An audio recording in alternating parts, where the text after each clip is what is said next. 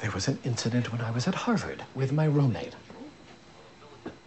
And? He accused me of copying from his senior thesis, plagiarizing. Well, did you? No, he stole from me.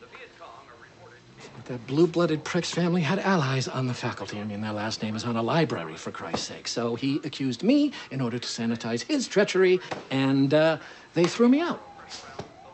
Hey, so you got kicked out of Harvard for cheating? No, I got kicked out of Harvard for hitting him. You hit him? What, like punched him out? Nope, I hit him with a car.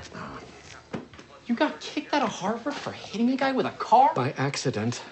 Pint of Jim Beam, please. But he broke three ribs, which was technically his fault because he shouldn't have been in the road. Two dollars, please. Also, he shot himself, which was the greater indignity. Here you go, killer.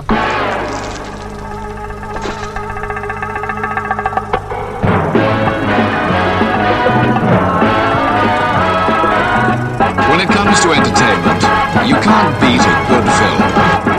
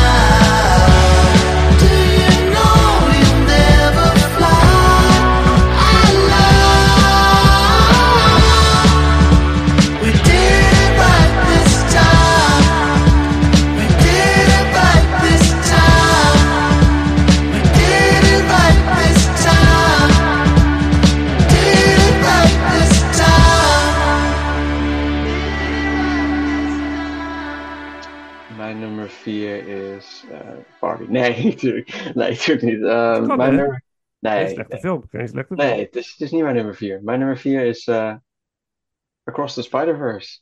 Ah, ik zat erop te wachten dat hij voorbij zou komen. Nou, ik kan, ik kan eigenlijk ook niet voorstellen als deze niet in je lijstje staat. Dat kan ik eigenlijk niet voorstellen haast. Oh, nou, stel Maar- vast. Nee, maar- maar ik neem hieruit al eh, op aan dat eh, dat, dat eh, waarschijnlijk misschien niet, eh, dat die mening misschien niet gedeeld wordt door iedereen. Maar eh, Nou, ik, ik, kan wel, ik kan wel iets aanvullen, maar steek van wal. eh, ik vind dit de perfecte Spider-Man film. Persoonlijk. Ehm, en misschien vind ik het zelfs wel echt een van de beste superheldenfilms ooit gemaakt. Dit was zo'n ongelofelijke reis, een ongelooflijk avontuur. Eh, dit, waar we het bij Puss in Boots ook al over hadden, eh, dat het een soort van combinatie is tussen eh, dat nostalgische gevoel voor karakter en, en, en hart en, eh, en avontuur. eh, wat ik ook heel erg terug herkende van, de, van bijvoorbeeld eh, The Amazing Spider-Man, dat gevoel van avontuur wat daar ook in zat. Eh, dat gevoel kreeg ik bij deze Spider-Man film ook gewoon weer. Maar het had een heel. De animatie van deze film is werkelijk waar mindblowing. De animatie van deze film is echt gewoon. Als dit de Oscar niet wint, dat, dat ga ik niet begrijpen. Als dit het niet wint, die zit echt iets van vier of meer jaren aan toewijding en harde arbeid en, dedication aan vast. Dat, dat is onvoorstelbaar. Dat, en het, en het mag er wezen. Het resultaat mag er wezen. Het ziet er fantastisch uit. Visueel is dit de Oscar gewoon al waard. Dit, niks anders mag beste animated movie van het jaar worden dan dit. Alleen maar om de, het werk wat hierachter zit. En ook gewoon waar al die anim animators ook gewoon doorheen zijn ge- gegaan met dit proces. Ehm, en, en daarbij, bo- bovenop de visuele pracht en, en, en misschien ook, het is visueel ook heel druk en misschien dat dat heel veel mensen ook af, een beetje, ehm, ja, waardoor mensen dat misschien ook weer niet eh, helemaal ja, fijn vinden of zo. Want volgens mij, als ik me goed herinner, bij, de, bij jou bij de Spider-Man ranking, bij jou Vincent, zei dat ook al over Into the Spider-Verse, dat het heel druk was en heel erg eh, redelijk zware film om, om, om dan ook op te nemen, omdat het eh, om die reden juist ook heel, juist heel druk wordt. En dat is, en dat werkt, en dan werkt je brein een beetje overuren misschien. Eh, en dat is bij deze niet anders. Eh, dit is precies dezelfde pacing en eh, een, een stijl die ook gewoon in Into the... Misschien zo, wat? Misschien zelfs meer. Deze. Ja, misschien zelfs meer inderdaad. Hier komt echt heel veel meer bij kijken. En ondanks dat het 2,5 uur duurt, ga je er, voelt het eigenlijk alsof je er redelijk snel doorheen gaat. En je gaat gewoon alsnog gewoon die hele drie, drie narrative arc, eh, drie act narrative arc ga je gewoon door. En ook gewoon het onderliggende thema van deze film eh, is denk ik ook gewoon echt weer een superheldenfilm waardig. Het, het, het is zo boven het kaliber van al het andere superhelden geweld wat we hebben gekregen dit jaar. En wat naar mijn mening heel erg teleurstelde. Eh, ook de series van Disney Plus. Ehm, maar deze film steekt er gewoon bij mij gewoon bovenuit. Omdat dit gaat niet alleen maar over eh, het specifieke hokje waar je in wordt geplaatst als je de titel aanneemt van held. Maar ook gewoon het opgroeien qua personage, qua karakterontwikkeling wat Miles Morales doormaakt. Wat je ook gewoon doormaakt als je zelf opgroeit en waar ik nu zelf heel erg in zit. In die fase van eh, dat je uiteindelijk gaat kiezen wat je rotsbestemming gaat worden. En als je daaraan toegeeft, dat je jezelf, dat de maatschappij dan ook weer in een soort van hokje plaatst. Van, dan, dan ben je onderdeel van het geheel.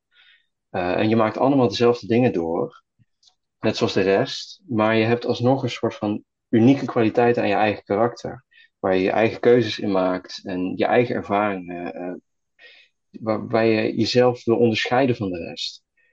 En ik vind dat deze film het heel mooi, eh, echt perfect eigenlijk, gewoon in, dat, in die superheldentrant ook weer plaatst. Eh, hoe je ook als superheld, eh, weet je wel, het kennen van de wereld. Iedereen maakt eigenlijk eh, als, als mensheid eigenlijk vaak dezelfde stappen door. En meestal hebben we dat zelf niet door, maar als we erop gewezen worden, dan merken we dat eigenlijk vrij snel. We maken eigenlijk allemaal dezelfde stappen door in het leven. De, de hoofdlijnen natuurlijk, hè, van, het, van ons kennen, van ons kennen, hè, waar in deze film heel erg de nadruk op ligt. Van het Spider-Man kennen, van iedere Spider-Man maakt eigenlijk diezelfde dingen door en moet die dingen doormaken om, eh, om Spider-Man te zijn, om, die persoon te worden. Maar Miles Morales is daar heel anders in, want hij hoorde oorspronkelijk, dus blijkbaar wordt, dat wordt gereveeld in deze film, hoorde hij eigenlijk geen Spider-Man te worden in zijn universum. Dat hoorde hij, de Spider-Man in zijn universum, zoals in de eerste film gebeurde, overleed terwijl hij Miles Morales uh, aan, het, uh, aan, het, aan het redden was. En dat hoorde eigenlijk niet te gebeuren. Dus daarin ook je eigen lotsbestemming kiezen en te zeggen van, nou, I'm gonna do my own thing gewoon weg van dat, uh, van, van dat kennen. Gewoon dat kennen breken uh, en je eigen weg uh, kiezen. Dat vind ik daar ga ik nu momenteel zelf doorheen. En het voelde zo intens toen dat aankwam, toen ik die film aan het kijken was. Als in van ja, precies waar die, dit karakter nu doorheen gaat, dat voel ik precies nu ook. Gewoon dat, dat hokje waar je uiteindelijk in wordt geplaatst, je maakt je, eigen dingen door. Maar je wil ook zelf je eigen keuzes kunnen maken en zelf dat, die, dat lot, die lotsbestemming kiezen en ervoor zorgen dat je onderscheid maakt van de, onders, onderscheid, jezelf onderscheidt van de rest. Ja, dat is mooi wat je zegt. Eh, dat vind ik mooi dat het zo persoonlijk voor jou, dat het jou persoonlijk zo raakt. Want dat is wat deze film ook is. Het is ook een fil- film die op dat level van jonge mensen zit. Hè? Dat, Ja. dat, dat heeft die film heel erg sterk en dat is super bijzonder. En eh, ja, dat, dat, dat is gaaf. En ik denk, ik heb deze film ervaren als een betere film dan de vorige animaties. Ik, vond, ik heb echt een hele toffe avond gehad bij deze film. Ik vond hem heel, ik vond hem echt heel goed. Met een heel onverwachte twist aan het einde ook. Dat vond ik ook heel erg gaaf. Dus ik, ik ga zeker naar de volgende. Dus dat heeft me wel uitgenodigd. Maar ik kijk op een andere manier, denk ik, ernaar dan jij. En de lotsbestemming, ja, dat vind ik heel mooi. Want het lot kiest ook jou. Je kan ook, je, je- je- Ja. het, lot, het lot kiest jou. De, de situatie overkomt jou. Maar jij kiest hoe je handelt binnen de situatie waar je in zit. Dat verandert weer de loop van dingen. En dat vind ik zo mooi. Dat vind ik een hele mooie levenswijsheid. Zo pro- Zo probeer ik zelf ook een beetje in het leven te staan van... Ja, dingen gebeuren nou eenmaal om je heen, continu. Maar hoe ga ik me daarin verhouden binnen, binnen die gebeurtenissen? En dat vond ik in deze film ook heel erg naar voren komen. Ja, hij zit er nou eenmaal in. Ja, hoe ga je, wat ga je doen?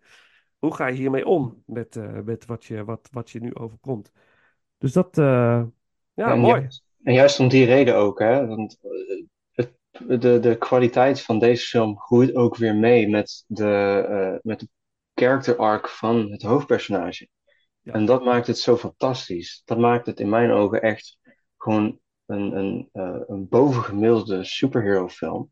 Omdat Dat juist is de werken daarvan ook gewoon meegroeien met die karakters. Iets wat die Infinity Saga voorheen ook wist te doen. Met zijn Ja. sequels. En wat eh, deze film ook echt, eh, te midden van al dat Marvel en DC geweld dat allemaal plaatsvindt nu, dat, dat dit juist eh, weer zo'n standout is. Dat het weer, dat je mee kunt groeien gedurende die jaren die tussen die films zitten met die karakters. Ja, dat is fantastisch. En dat, dat is- ja. tegen die tijd zat ik ook op, die le- op een jongere leeftijd. Van, ik weet niet meer precies wanneer dat was, 2018 of zo ook. Dat Into the Spider-Verse uitkwam. Toen kwam ik net van, toen zat ik nog net aan het einde van mijn middelbare school. Dat, Mhm. En dan zit je ook, word je ook net in die, in die grotere wereld gegooid. Ja. Waarbij je dus dat lot, die lotsbestemming naar je toe gegooid, naar, naar, dat dat er gebeurt. Mhm. En, en zo groei je uiteindelijk ook mee met die personages. En dat vind ik echt fantastisch.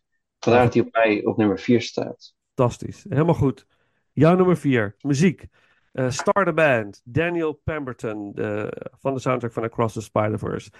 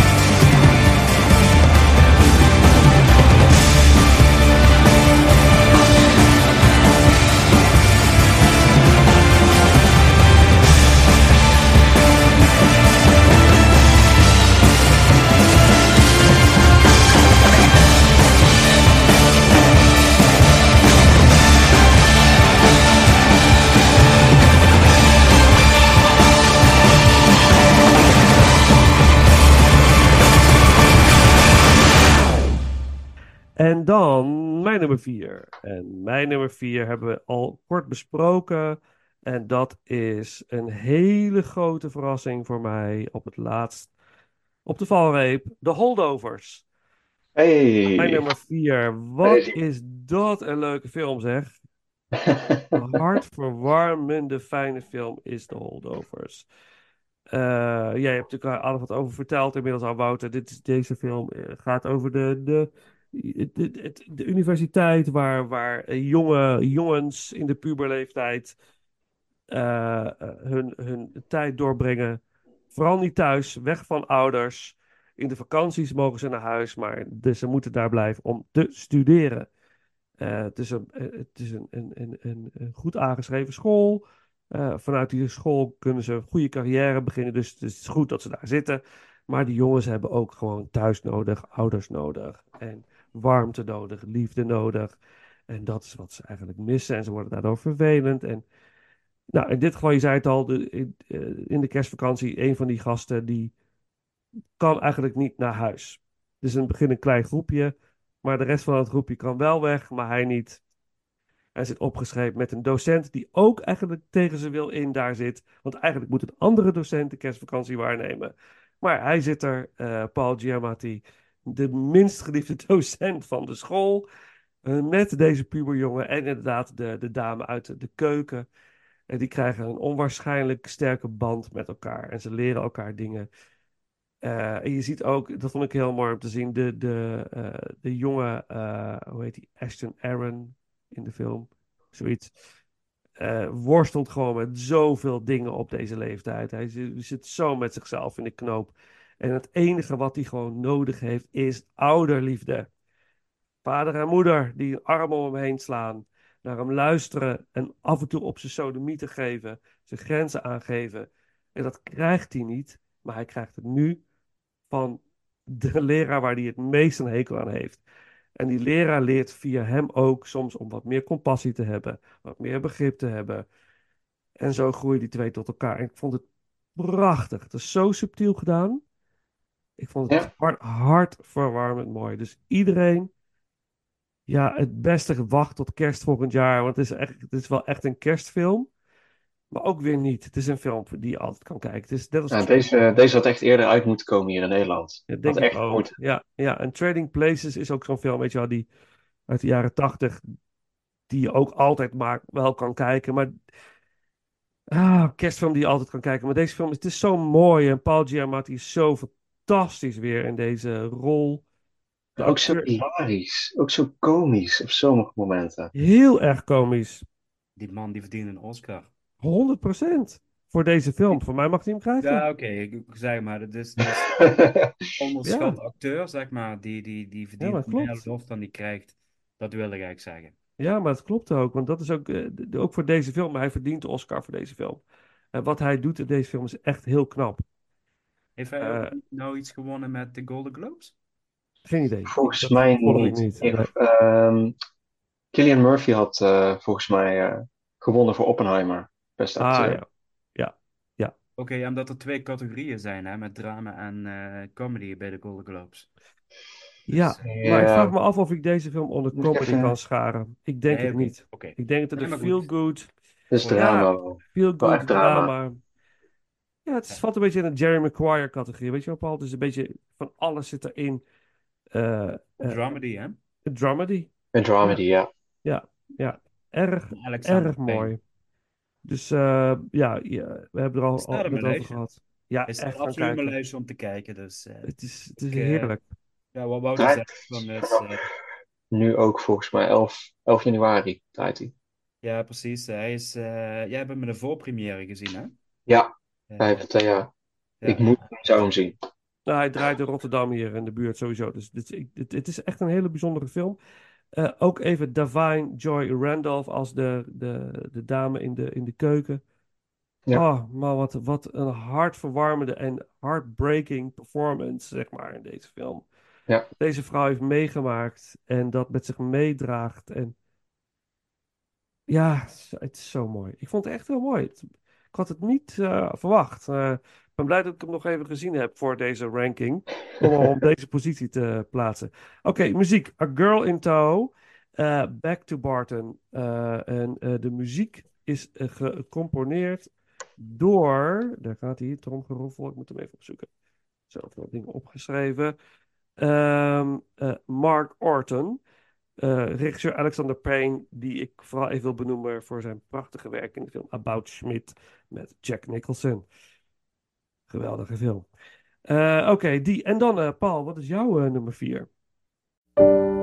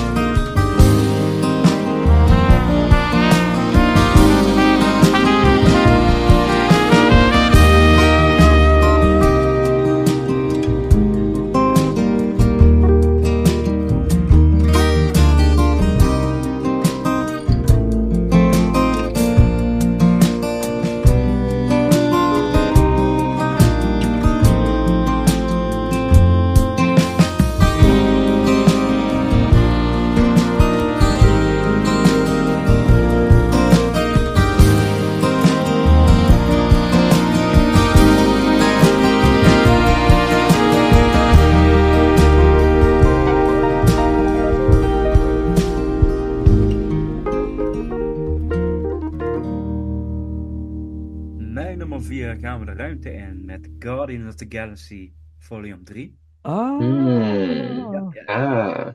ja dat, eh, dat is ehm, ehm, even los van, van het hele Marvel-geneuzel wat momenteel gaande is, eh, ehm, vond ik deze film eh, ja, een, een prachtige afsluiter van de trilogie. Ehm, ik vond het een hele mooie afwikkeling van een aantal karakters. Eh, Mhm. Een aantal karakters die, die echt de eind, eh, een eind love song krijgen, met name het verhaallijn van Rocket. Eh, vond ik echt ontroerend mooi. En dat dan een, CGI-karakter dat je zo kan ontroeren, eh, vind ik briljant. Eh, dit is daarnaast een hele leuke science fiction actiefilm. Met, met de bekende humor, met de, ja, eigenlijk de bekende zooitje ongeregeld wat het eigenlijk is.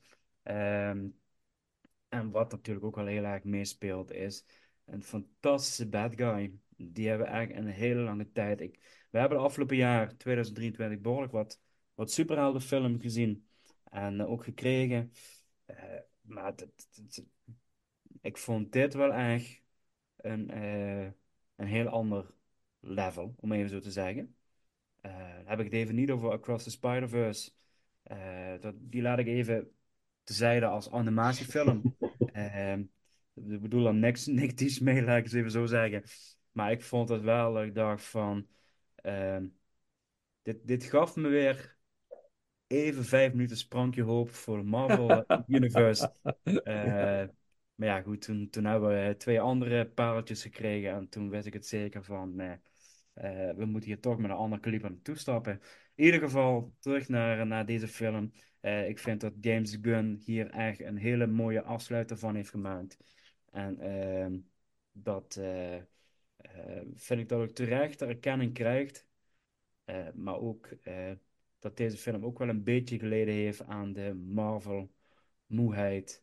En eh, misschien ook wel een beetje haat die het ontstaan is. Eh, dus daarom ik zei, ik, ik zie hem ook eigenlijk los van de Marvel eh, franchise, eh, waar het eigenlijk wel onderdeel van uit is natuurlijk. Maar als film op zich, ja, vind ik het wel ook echt een hele prestatie dat je dus wel in staat bent om een goed derde deel van een trilogie te maken. En dat vind ik deze film ook absoluut wel een, een, eh, een eh, ja, hele grote plus. Dus dat is eigenlijk mijn eh, eh, korte relatie over eh The Guardians of the Galaxy. Oh ja, en by the way, drie films lang, drie soundtracks. Noem mij een film wat de laatste of een. Ja, die, die hebben zo'n impact gehad op de, op de muziekindustrie eh, en de filmwereld de afgelopen jaren. Eh, alle drie de films zijn de afgelopen tien jaar uitgekomen. Ja, dit, eh, wat, wat een geweldige soundtracks hebben deze films. Ja, en dat gewoon, dat je die muziek ook gebruikt. Dat die gebruikt kan worden. Dat het gewoon werkt. Ja, ja, ja. We gaan ook zo Come and Get Your Love draaien van Redbone. Eh, dat is natuurlijk waar de film mee afsluit. Ehm, eh, even heel kort, ja, want we, we moeten natuurlijk doorknallen. Want het, is, eh, het gaat naar middernacht hier. Ehm, maar ik vond het ook geweldig. Ik sta niet in mijn top 10, maar ik vond deze film echt super leuk. Hartverwarmende karakters. En ik ben zo fan van Drax. Drax. Drax is fantastisch. Ja, ik, ik vind dat eigenlijk alle karakters, om even zo te zeggen, Eens, allemaal. krijgen Ja, nou, ze krijgen gewoon een, een, een, een verdiend einde, om zo te zeggen. Ja. Gewoon een mooi Ja. afgerond verhaal. Ja. Eh, Ook al eh, zullen nog wel een aantal eh, terug gaan komen, verwacht ik, Ja. eh Marvel Canada. Ehm, eh, maar ik vond, ik vond echt dat ze dit heel goed, eh, heel goed gedaan hebben. helemaal 100% mee eens. Guardians Nee of the. Galaxy 3. Come and Get Your Love. Redbone. Laten we die doen. En dan gaan we naar de top 3.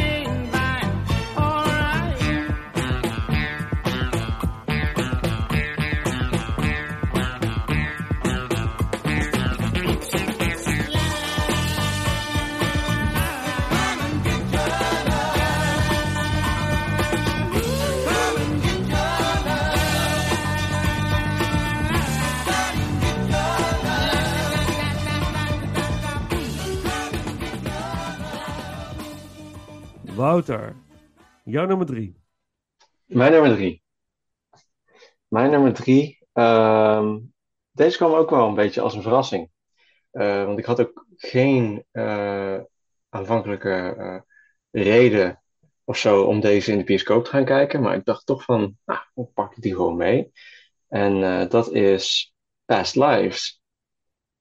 Aha. Mhm, mhm, mhm. Deze, ik zat hier in, mee in de bioscoop met een rust van je welste. Ik, eh, dit, dit was zo kalmerend, zo sereen.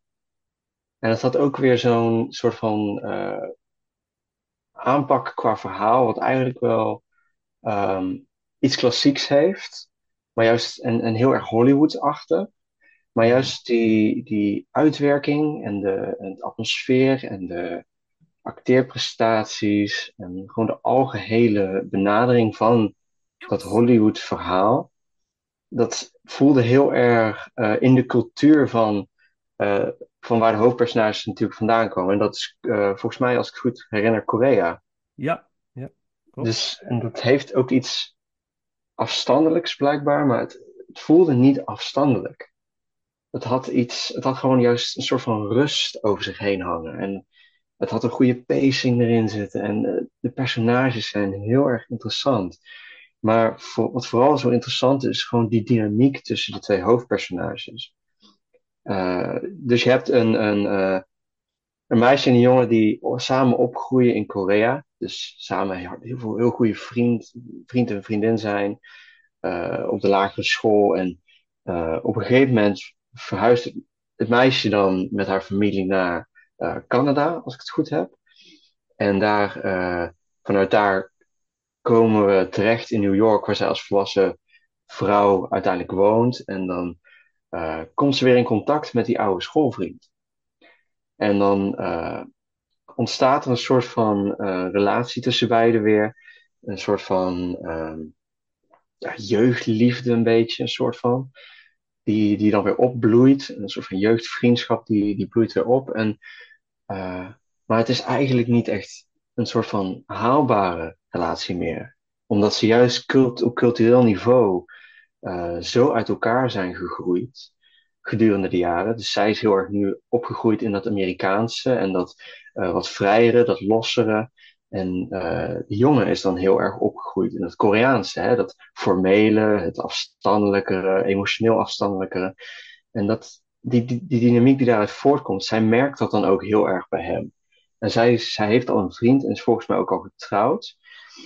En eh, dat, dat geeft een soort van dynamiek, want hij vindt haar wel heel erg leuk. En zij is de reden waarom hij dan bijvoorbeeld ook naar Amerika een keer komt.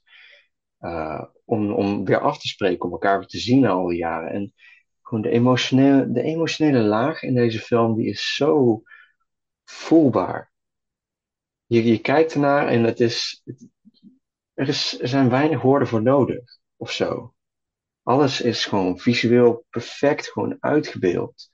Om het je gewoon te laten voelen, om, om die emotie over te brengen zonder dat er heel veel emotionele dialogen bij komen of zo. En dat voelde zo fijn. Dat voelde echt heerlijk. Ik zat er zo verdoofd in die, in die, in die relax seat bij, bij ons bij de View. En, en, en ik, ik kwam er, ik liep eruit uit de zaal en ik dacht, ja, dit was het waard. Dit was het waard. Het was heerlijk. Ik denk dat bij Past Lives, ik ik, hij staat niet op mijn top 10, maar ik vind het wel een van de meeste werkjes van het afgelopen jaar. Is echt, Ik had, ik had een hele bijzondere ervaring bij Pa- Past Lives. Is natuurlijk, het is een romance, maar het is een onhaalbare Ja. liefde tussen twee mensen. Maar het idee van Past Lives is niet voor dit leven bestemd. precies, ja. Ze zijn nog niet bestemd om te verbinden en bij elkaar te blijven in dit leven. Zij heeft voor een andere man gekozen en daar heeft zij die connectie mee. En wat ik zo verschrikkelijk mooi vond. Ik, ik zat die film te kijken en ik, ik was gewoon hypnotized inderdaad door het verhaal. En op het einde van de film ging ik ging echt ik met tranen over mijn hang. Ja, echt dat moment dat ze dan, Ja, dat ze dan, dan barst die emotie los. ja, ja, het, Dat acceptatiemoment dat zij accepteert. dit is niet het leven dat ik, ik ga dit leven niet met hem delen. En, en Echt? dat heb ik geaccepteerd. En dan komt die ontlading. Ik denk voor een deel verdriet en een deel opluchting. Maar wat mij zo raakte. En dat vond ik zo mooi. En dan denk ik, ja, dat is, dat is wat een relatie moet hebben. En weet je, dat is ook ervaring, levenservaring, denk ik ook. En dat ik dan, hoe die man ermee omgaat. Haar echtgenote. Hoe, hij, hoe hij reageert. Hoe, hoe, hoe hij haar opvangt. Hoe hij accepteert hoe het is. En hoe dat is Maar hij het ook begrijpt. Hij dat- begrijpt het Maar ook. dat is liefde. Dat is liefde. En dan hoef je helemaal geen eh, eh, Hollywood-achtige ding aan vast te komen. Nee, precies. Voldoende. Dus de ja, meesterwerkje. Meesterwerkje. Past lives. Mooi. Echt een aanrader. Ja. Nee, ik heb hem niet gezien. Dat moet ik dan eerlijk opbiechten, ondanks het aandringen van Wouter. Eh, we hebben er wel even kort contact over gehad. Maar ehm, ehm, ja, deze film kwam van mij, als het gaat over mijn eigen liefdesleven, iets te dichtbij. Dus eh vandaar dat Hmm. ik heb gezegd van, eh, eh, even niet. Ik sla deze even over. Dat Dus, kan. En dat denk ik dat het ook goed is om, dat, om soms te kiezen om iets niet te kijken. Maar dat Ja. in, misschien in de, in de loop der jaren, Paul, als, je, als het zover is, ik zou hem een kans geven. Want het is, het is zal een, ongetwijfeld gebeuren. ja, een kleine film. zelf, zelfbescherming. Ja, ja, snap ik ook. Ja. Want die film heeft Liefde is emotionele... mooi, maar liefde is niet altijd makkelijk. Zeker, en dat is wat deze film ook laat zien. Precies. Dat is precies wat de film laat zien. Past Lives. Het mooie nummer Quiet Eyes door Sharon van Etten. Ik weet niet of zij Nederlands is of zo, maar dat is de naam van de dame die dat nummer heeft gemaakt. Sluit de film mee af. En dan eh, mijn nummer drie.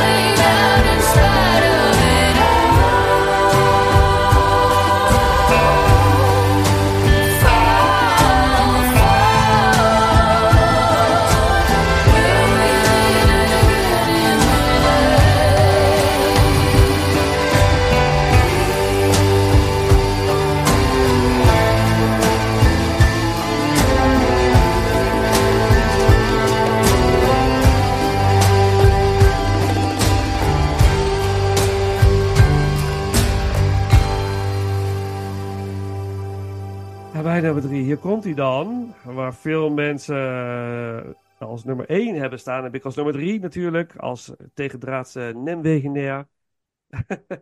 Eh, Oppenheimer. Oppenheimer is mijn nummer drie. Eh, de, de nieuwe film van, hoe heet hij ook alweer? Die, ah, hij is van The Dark Knight. Hoe heet hij? Christ- Christopher Nolan. Ehm, eh, Oppenheimer. En grote, grootste verwachting natuurlijk de nieuwe Christopher Nolan. Nou ja, eh, naartoe in de bioscoop. En ehm, wat verdorie zeg. Wat een goede film. Wauw, dat was goed. Nou ja, het gaat natuurlijk over, over de, de, de, de bedenker, de creator van de, de, de, de, de H-bomb, de bom die uiteindelijk eh, voor de grote vernietiging zorgt op Hiroshima. Eh, waar, die bom is dus gewoon getest op, op eh, Hiroshima. Het is te idioot voor woorden. Als je de film aan het kijken bent, dat je denkt, wat, wat zijn we nou mee bezig? In een massavernietigingswapen zijn we aan het maken. Waar gaat dit over? Dat is wat, de film ook een beetje laat zien. De, de, de strijd en wat, wat, wat een wat raar eigenlijk. Dat kreeg ik heel erg mee in deze film. Van wat, wat een absurditeit. Waar zijn we naar aan het kijken? Wat is, het, is, het is het deze film een verheerlijking van dat? Van, van, van de prestatie die, deze man heeft geleverd? Of wat wil deze film nou precies zeggen? Hè? En dan ga je verder nadenken. Ja, het het zegt natuurlijk veel meer dan dat. En eh, ook die strijd die hij voert. Of ja, is het wel goed wat ik doe? Of is het, ja, moet ik het wel of niet doen? Uiteindelijk heeft hij het wel gedaan. Maar ook als hij eh, een soort van spijt krijgt van zijn daden, wordt hij gewoon op, opzij gezet door de president van Amerika. Van ja, ja, maakt me niet uit wat jij vindt. Maar ja, je hebt nu helemaal dit gedaan wat eh, we nodig hadden. En nu eh, ja, zet ik jou gewoon opzij. En we gaan gewoon door met wat we moeten doen. En dat is bedankt, gewoon, ja, en bedankt voor, thank you for your service and goodbye. En dat is super hard. Dat vond ik een heel indrukwekkende scène in deze film. Die is bij ja, blijven hangen. En wat ik heel mooi vond, is de rol van Robert Downey Jr. in deze film. Die echt, mamma mia, wat een ongelooflijk, ongelofelijke prestatie. En wat, wat dat, dat deze man, het hele verhaal ook erachter, dat op basis van een aanname hij het leven bijna verwoest van eh, eh, Oppenheimer. Op basis van een aanname. Wat mogelijk Einstein tegen hem zou hebben gezegd. Snap je? Dus het is. Dat vond ik ook weer een hele mooie boodschap. En hoe voorzichtig wij moeten zijn, als mens überhaupt, met het doen van aannames. Wij denken van alles, maar al die gedachten, 80% of zo, is allemaal bullshit wat we denken. Het is helemaal niet waar.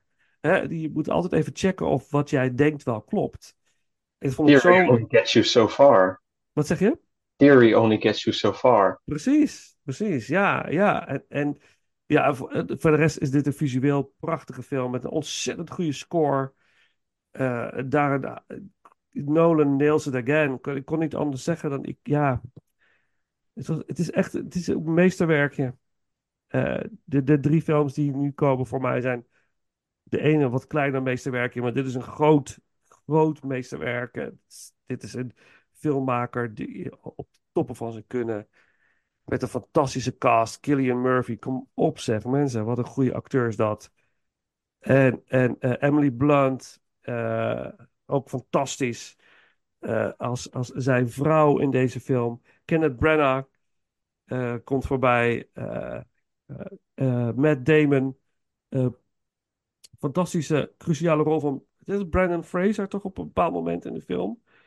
Is het Brandon Fraser? Er zit een bepaald Nee, moment... dat was, dat was Killers of the Flower Moon. Daar zat Brendan Fraser. Oh, dat is Brandon Fraser. Ja, ja. Maar er zit, er zit iets in één acteur in die op een Ja. bepaald moment komt. Jason Clark? Of, eh, Nee. Ik ga hem even opzoeken, maar ik heb een sterk vermoeden wie jij bedoelt. Ja, ja, die ineens heel veel, heel veel eh, verandering brengt in alles. Die gewoon komt en een hele belangrijke functie Rami, heeft. Rami Malek? Of, Rami Malek. Rami Malek. Dat is hem. Ja, ik, ja, ik ben... Ja, weet je het zeker? Ja, het is Rami Malek volgens mij, ja. Want je hebt ook even kijken. de ba- ba- ba- ba- ba- bam, bam, bam, bam. Nou, dat Ja. is Je bedoelt, je bedoelt degene die het voor Oppenheimer opnam ja, ja, tijdens ja, de ja. hoorzitting Ja, met dat is wel inderdaad. Ja, Dat Die het voor. Oppenheimer opheimt, opneemt. ja. ja. Ja, dus die, Oké. ja, ja, ja. Maar goed, jongens, ik- hij komt vast nog bij jullie voorbij, Oppenheimer. Eh, ik ga het kort houden over deze film. Eh, ik, ik, vond het fantastisch. Eh, het is echt een film die je in de bioscoop moet hebben gezien, maar ik denk dat hij het ook op de, op de tv's het goed zal doen. Op de disc is in ieder geval echt fenomenaal in Nou, ja, kwaliteit. kijk, Echt fantastisch. Nou, dan, dan wat let je mensen? Gaat, als je het niet hebt gezien, ga hem kijken. Stukje soundtrack uit deze film Oppenheimer. Eh, muziek door Jurgen, zeg ik dat goed? Eh, Ludwig eh Göransson. En we doen de track Los Alamos. Los Alamos.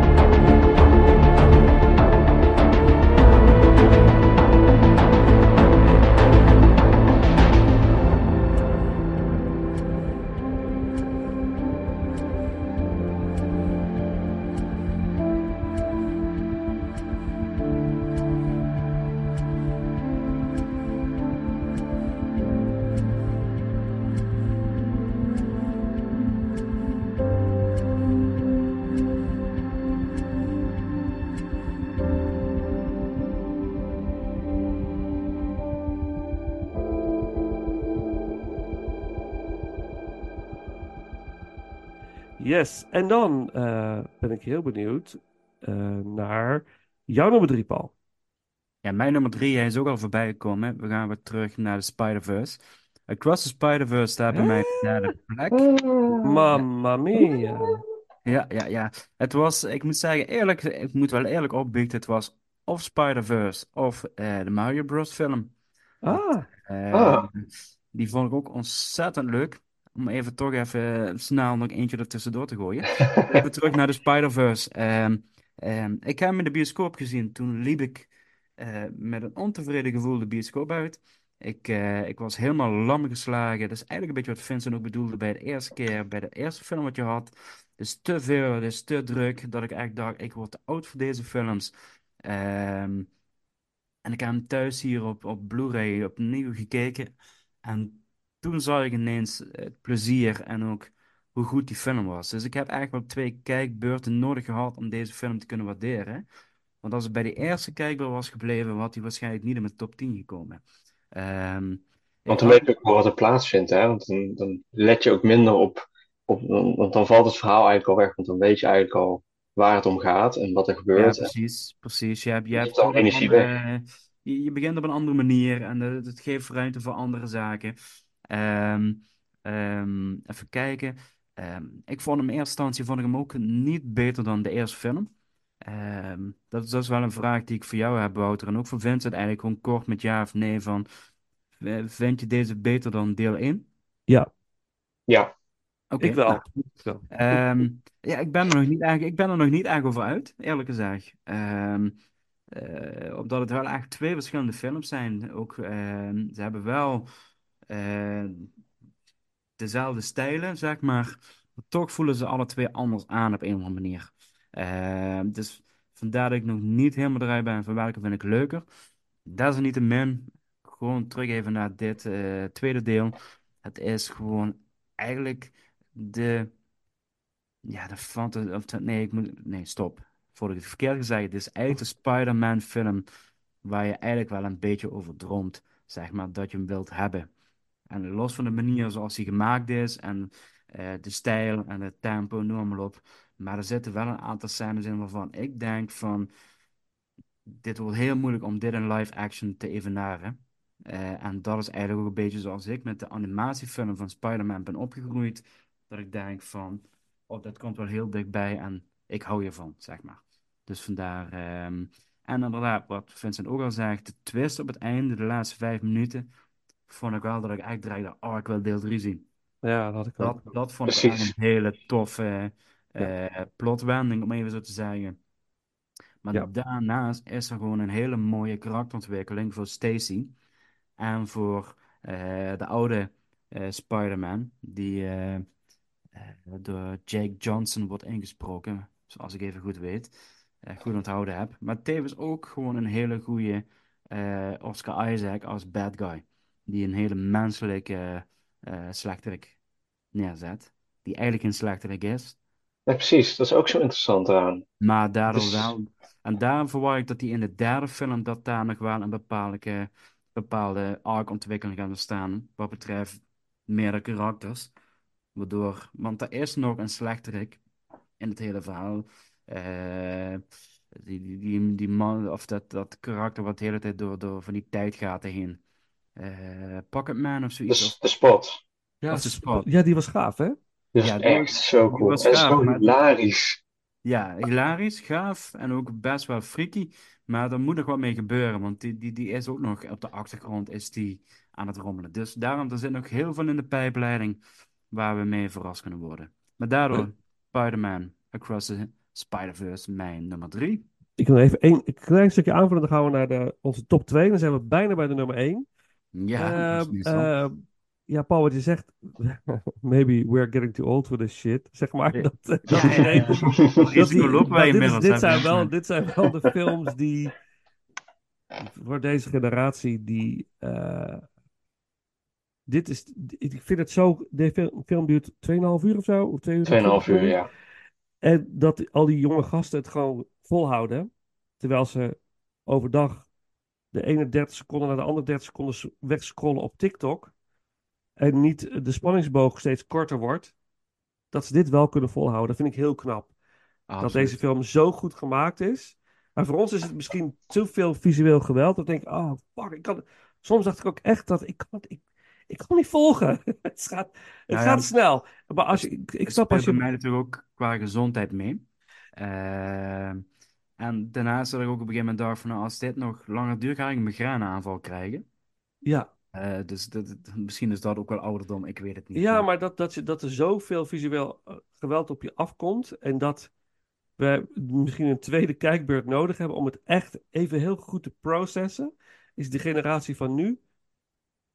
Dat is dat ze Fortnite spelen. Ik kan het echt niet volgen. Het lukt me gewoon echt niet. Ik heb het echt geprobeerd hoor. Het gaat niet. Ik kan het gewoon bijna niet volgen.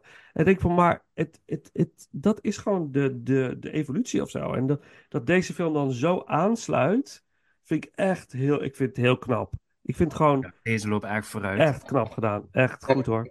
Volgens mij had ik dat toen ook al aangegeven tijdens die eh Puss in Boots ranking. Want dit is wel echt een combinatie van twee generaties die echt zo goed werkt. En daardoor ook Ja. zojuist vooruitstrevend is. Hè? Je hebt dus die, laag, die, hoge, die, die, kortere, eh, ja, die kortere aandachtsboog Ja. van die jonge generatie. Er moet, er moet om de zoveel, er moet constant actie zijn. Er moet constant iets gebeuren.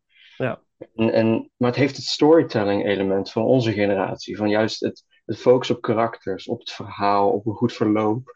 En het, het werkt allemaal zo mooi samen in deze film, dat het gewoon daarom zo vooruitstrevend is. Dat is Ja. de toekomst van Fantastisch. Dit soort films. Across the Spider-Verse. My Name is Miles Morales. Daniel Pemberton. Soundtrack. De nummer twee. Wouter. Give it away.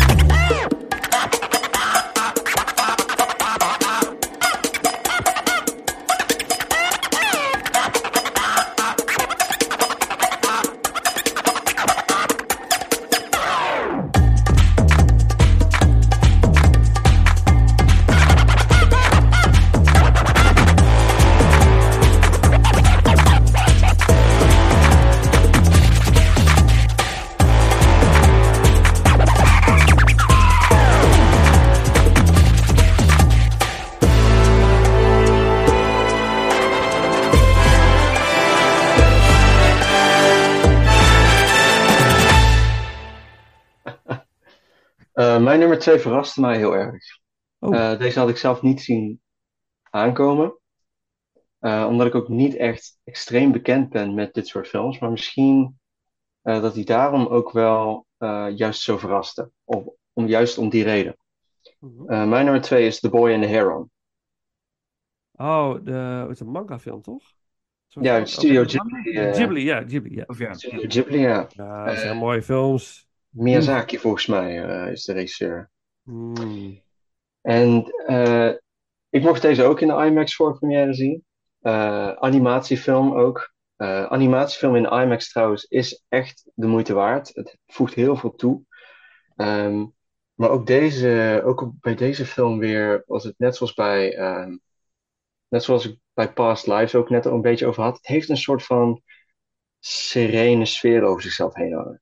Wat met, eh, ik, ik had dit jaar ook eh, Spirited Away voor het eerst gezien, helemaal. Ja. Eh, dat is eigenlijk de enige Studio Ghibli film die ik ooit heb gezien. Een fascinerende film, echt een aanrader. Kijk hem. Ja, fantastisch. Prachtig, Ja. prachtig film. Ja. Maar ook dat soort, dit soort film met zo'n eigenlijk heel erg diepere onderlaag erin. Eigenlijk animatie wat niet echt, wat, wat, wat leuk is voor kinderen om te kijken, maar wat eigenlijk echt bedoeld is voor volwassenen. Om, om, echt, te, om echt te begrijpen. Die Ja. diepere lagen, die thematiek, de symboliek, de, de metaforen. Eh, dat, dat soort dingen die komen in deze film ook heel erg duidelijk naar voren. En misschien wel nog meer dan in, eh, dan in eerdere werken van, ehm, van deze regisseur. Ehm, dit, deze film voor mij voelde alsof het, een soort, alsof het draaide om een soort van acceptatie van, van een nieuw begin. Van een nieuw tijdperk, van een nieuwe eh, situatie waar je in terechtkomt. Eh, het gaat over eh, een, een jongen, en dan moet ik even de naam opzoeken van wat nou zijn naam was. Even, ik, eh, eh, ik, ik moet one, sorry. Ik ben even aan het opzoeken van wat, wat het nou is, wat zijn naam is. Want ehm en dit jochie, ehm, de, de Mahito, 12-jarige Mahito, die eh, verliest aan het begin van de film verliest hij zijn moeder. En ehm, eh, dat, dan wordt hij in een soort van eh, traject gestort waarin hij in een nieuwe situatie terechtkomt. Waarbij zijn vader trouwt met de zus van zijn vrouw. Dat blijkt een traditie te zijn geweest eh, in die tijd of, of in, dat, eh, in, in, in, die, in, het, in het land. Eh, ik wist daar niet van, dus het voelde een beetje vreemd in het begin. Maar als je erover leest, dan wordt dat wat duidelijker waarom dat zo is. Ehm, maar het gaat eigenlijk over deze 12-jarige jongen die in een compleet nieuwe gezinssituatie terechtkomt, die hij aan het begin eigenlijk niet helemaal goed kan accepteren. Uh, hij houdt nog heel erg vast aan, aan zijn moeder. En dan uh, gaat hij eigenlijk op een soort van ontdekkingsreis uh, in zijn eigen onderbewustzijn. Een soort van, ook in, weer in een, in, in, een magische, fantastieke wereld. Uh, waar die, deze Ghibli-films om bekend staan natuurlijk. Waarbij hij eigenlijk een soort van tot acceptatie moet komen van de situatie waarin die, waar, waarin die nu terecht is gekomen. En dat een situatie als dat soms ook een, een heel mooi nieuw begin kan inluiden. En, uh, en, dat, en dat voelde wel, en dat kwam wel even hard aan toen ik dat, toen ik dat keek. Um, ik zit zelf uh, niet specifiek in zo'n situatie, maar um, het gezin waarin ik uh, zit, mijn, mijn vader, mijn broer, we hebben ook zo'n situatie meegemaakt. Mijn moeder is, om eerlijk te zijn, ook overleden net bij onze geboorte. Dus dit voelde uh, ook wel echt als een heel erg harde, emotionele slag, mokerslag, uh, die me ook weer toch liet nadenken van, van hoe dat toen bijvoorbeeld voor mijn vader voelde. Die heeft uh, ons toen met zijn baan, het huishouden, ons kinderen, sociaal leven, die heeft alles in, zijn, in zijn eentje voornamelijk, met hulp natuurlijk ook op sommige punten van familie en vrienden, heeft hij het allemaal stand kunnen houden. En voor hem was dat toen ook een, een, een heel groot, een, zo'n uh, transitie die je eigenlijk niet wil meemaken. Uh, en ik kijk daar natuurlijk heel anders naar. Ik, heb het, ik was er niet actief uh, bij, maar ik was er ook wel weer wel bij. Ik maak er onderdeel van uit. En, en ik kijk erop terug als in van dat dat soort eindes ook misschien kunnen worden beschouwd als een, als een mooi begin van iets nieuws. En dat is misschien in het begin altijd heel vaak moeilijk te accepteren. Dan moet je ook, dat kan jaren duren. En dat, uh, ik heb het gevoel alsof mijn vader daar nog steeds niet helemaal overheen is. Maar uh, dat, of daar nog mee dat heeft kunnen accepteren. Maar het is wel een emotionele uh, reis die je daarmee doormaakt. En dat accepteren van een nieuw begin. Ook gewoon in mijn eigen leven, gewoon als, als student zijnde. Je, jezelf gooien in die nieuwe, grotere wereld. Dat, dat, dat kan ook al zo als zo'n einde worden gezien. Van, van studie uiteindelijk naar uh, werkend leven en, en uiteindelijk ook naar het gezinsleven. En dat soort nieuwe beginnen, dat, dat, dat is heel moeilijk en dat is heel confronterend. Maar het is ook een hele mooie reis. En ik vond dat deze film daar, uh, buiten dat het fantastische 2D-animatie is, ik mis die 2D-animatiefilms heel erg. Uh, dat het op emotioneel niveau en atmosferisch niveau heel mooi dat gevoel pakte. dat gevoel van mysterie, dat onbekende en toch ook wel daarvoor willen vechten voor dat, eh, voor dat, voor dat nieuwe begin. En, en, en tot acceptatie komen van eh, dat, dat, het, dat het einde er een onderdeel van is van dat leven. En, en dan vol, nieuwe moed gewoon richting die nieuwe situatie gaan en alle kansen aanpakken die die situatie eh, naar je toe eh, gooit. En dat vond ik heel mooi. En het, het voelde, nu, ook nu ik er zelf ook over nadenk eh, en op terugkijk en op reflecteer, dan is dat toch weer, het voelde toch veel persoonlijker dan dat ik dacht dat het was. En dat maakt het ook mooi, want blijkbaar was dat ook de bedoeling van deze regisseur. Ook omdat hij aankondigde dat het blijkbaar zijn laatste film zou worden. Blijkbaar dus weer niet, maar ja, dat heeft hij blijkbaar vaker aangekondigd. Maar zo voelt deze film ook voor hem wel. Ook vanuit het perspectief van een regisseur kan ik begrijpen dat dit een soort van samenkomst is van heel veel verschillende elementen van zijn vorige films. En dat dat een soort van, ja, een soort van eind, een eindwerk is van, van hem. Eh, waarmee hij een soort van nieuw begin ook weer inluidt voor misschien toekomstige generaties die eh, met deze studio ook weer verder kunnen en op zijn werk kunnen bouwen en, en et cetera. En om daar eh, ook weer een nieuwe toekomst in te creëren. Want die hij heeft kunnen opbouwen met zijn films. En dat voelt zo prachtig. Het is een heel mooie, prachtige, serene animatiefilm die echt verdient om bekeken te worden. Dat is Mooi. echt, Wouter, ja. Eh, ik denk, denk, denk dat het voldoende zegt, wat je nu... eh, Het is heel Hmm. persoonlijk. Ik denk dat het heel... heel ja, het komt nu het- toch ook wel weer binnen zo. Als Ja, dat, dat, snap ik. Dat snap ik, ja. Het is natuurlijk een- echt een heftig, eh, heftig ding. Dus, maar wat bijzonder dat, dat, dat een film dat ook weer kan doen, hè. Je tot, tot het besef kan brengen, je, een realisatie richting je eigen vader, je eigen rol in het geheel. Dat is ook een soort van begrip wat ik daar ook weer extra mee kan creëren. En dat heeft film de afgelopen tien jaar voor mij ook heel veel gedaan. Dat ik er een Hmm. soort van, een soort van eh, gids is voor het leven. En dat Hmm. vond ik ook prachtig. En dat was ook de reden, de hele reden waarom ik met heel mijn Insta en zo allemaal ben begonnen. Juist Ja. om dat soort ervaringen ook met, met de wereld te delen. Van dit kijk ik, dit, dit soort, deze films veranderen langzaam mijn kijk op het leven. En dat is, en dat heeft, eh, dat heeft ook weer iets heel moois. En eh, En ja, dat, dat, ja, dat, dat zal het blijven doen. Eh, ja, precies. Eh, dat doet het bij Paul en bij mij ook nog steeds. Hè? Dus je blijft voortdurend leren en nieuwe dingen ervaren. Maar ja, dit zijn van, dit zijn van die momenten dat je even heel... Ja, het werkt confronterend, maar ook heel mooi. Dus ja, dank voor het delen ook, eh, Wouter, dat je dit zo opengooit. Dat vind ik wel, eh, wel heel Ja, ik, was, ik was aanvankelijk ook niet van plan om het eigenlijk allemaal te vertellen. Het nou, het gebeurt. Dus het, is- het is heel mooi. Er, zitten veel persoonlijke dingen in deze jaarranking bij ons. En dat is, vind ik heel eh, vind ik mooi. Ja. Laten we een stukje muziek doen. Uit, ik, ik kan nog een, een andere, Grave of the Fireflies van de Ghibli Studios. Is ook echt een die je onder de huid gaat zitten. Maar ja, het is een heel bijzondere, ze maken hele bijzondere films. Ik ga deze ook zeker kijken. The Boy Ja. and the Heron. staan ook allemaal op mijn lijstje. Het is, eh, staan ook heel veel op Netflix, dus dat is ook weer heel handig. Dus Ja. ook makkelijk te bekijken. Dus Ja. ook als je, als je deze films ook wil zien, ga ze ook gewoon lekker kijken. Het is echt de moeite waard. Spirited Away is een goede om mee te starten. Maar daaromheen is er, is er een hele universe aan Ghibli eh, films. De main theme uit The Boy and the Heron.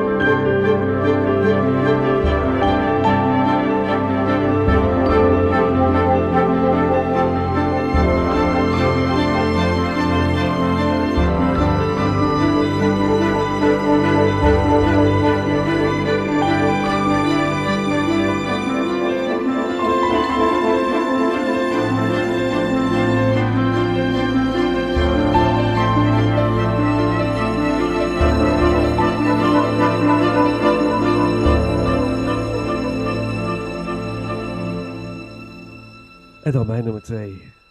Ja, mijn nummer twee is iets heel anders. Dat gaat een hele andere kant op. Mijn nummer twee is Dungeons and Dragons. Honor, Honor Among Thieves. Ja, daar is hij. Wat? Ja, man, oh man, oh man, oh man. Ik was zo blij. Ik ging maar niet naar de bioscoop voor deze film. Ik ging maar niet, ik ging maar niet, ik ging maar niet. Want ik haat Dungeons and Dragons, het kaartspel en eh, de Magic the. Gathering. Wat een flauwekul. Vind ik helemaal is- niks aan. Ik vond die film met Jeremy Irons uit de jaren negentig stom. Maar ik denk, nee, ik ga niet, ik ga niet, ik ga niet. Was ik maar toch gegaan. Want ik heb hem uiteindelijk op eh, eh, Sky Showtime, volgens mij, heb ik hem gekeken. En, eh, is leuk, hè? oh man, ik helemaal, ik, als kind was ik dol op films als The Neverending Story, Willow, The Princess Bride. Weet je, ik was zo gek van die films. En deze film bracht me helemaal terug naar, die, naar dat gevoel. Deze film was zo fantastisch gaaf en leuk. Ik heb hem twee keer in één weekend gekeken. En dat is, dat doe ik eigenlijk bijna nooit. Ik had hem op een vrijdagavond gekeken in, in, in- alleen eh, in mijn uppie. Eh, en zat in de woonkamer en Lies was weg en eh, iedereen was weg. En ik, nee, nee, nee. De kinderen waren boven en ik, ik ga kijken. En ik vond het zo leuk. En, ik, en mijn vrouw kwam thuis en zegt, we moeten echt morgenavond deze film kijken. Ook al is het maar voor mijn plezier. zei ik, weet je. We gaan maar gewoon en... eh, wordt ingezet. ja, nee, maar zij vond het ook heel erg leuk. Dus dat zegt ook weer wat. Is, het is voor iedereen een hele toegankelijke, leuke fantasyfilm. Het, de humor is, is heel erg leuk. Hugh Grant is fantastisch. Als, als, als bad guy in deze film. Heerlijk. Chris Pine, eh, echt, wat een, wat een grappig allemaal ook. Eh, alle, alle grapjes werken goed. Ehm, ja, het is, het is, het is een big adventure. En de- In, in, de, in de, de, de, de, de, de vragensessie bij de, bij de graven, bij de doden. Ja, dat is een hilarisch moment. Fantastisch. Eh, de eindbattle is fantastisch. En het is mooi, want het lijkt een eindbattle, maar er komt er nog een battle achteraan. Zoals het ook hoort in zo'n fantasyfilm. Want we zijn er nog niet. We moeten nog één laatste strijd eh Boss, voeren. boss level. Huppatee. Echt geweldig. Dus, eh, en de soundtrack is mooi. De muziek, de score is fantastisch. Het werkt. Het werkt. Ik vind En- het echt jammer dat deze zo ge- undergeperformed heeft aan de box office. Ja, het is best Echt jammer. Ja, maar dit is weer zo'n film die waarschijnlijk weer een nieuw genre. Ja, die gaat weer kijkers trekken. Er wordt weer een genre weer, weer, weer tot leven gewekt, hoop ik. Met weer een aantal hele goede films. Maar dit is op zichzelf staand een van de leukste films van het jaar. En, en voor mij de grootste verrassing van het jaar. Dus eh, hij staat op nummer 2. Ik wil hem bij op nummer 1 zetten, maar mijn nummer 1 is, is, is gewoon ook om persoonlijke reden. Meestelijk. Maar dat ga ik zo dadelijk delen. Eh, ik, laten we lekker doorgaan, want het is nu al voorbij middernacht op deze. en eh, de, de is ticking. Eh, Dungeons and Dragons Honor Among Thieves. Thieves. The track Dungeons and Dragons. Lauren Balfe eh, verzorgt de score. Lekker genieten. En dan, Paul, jouw nummer twee.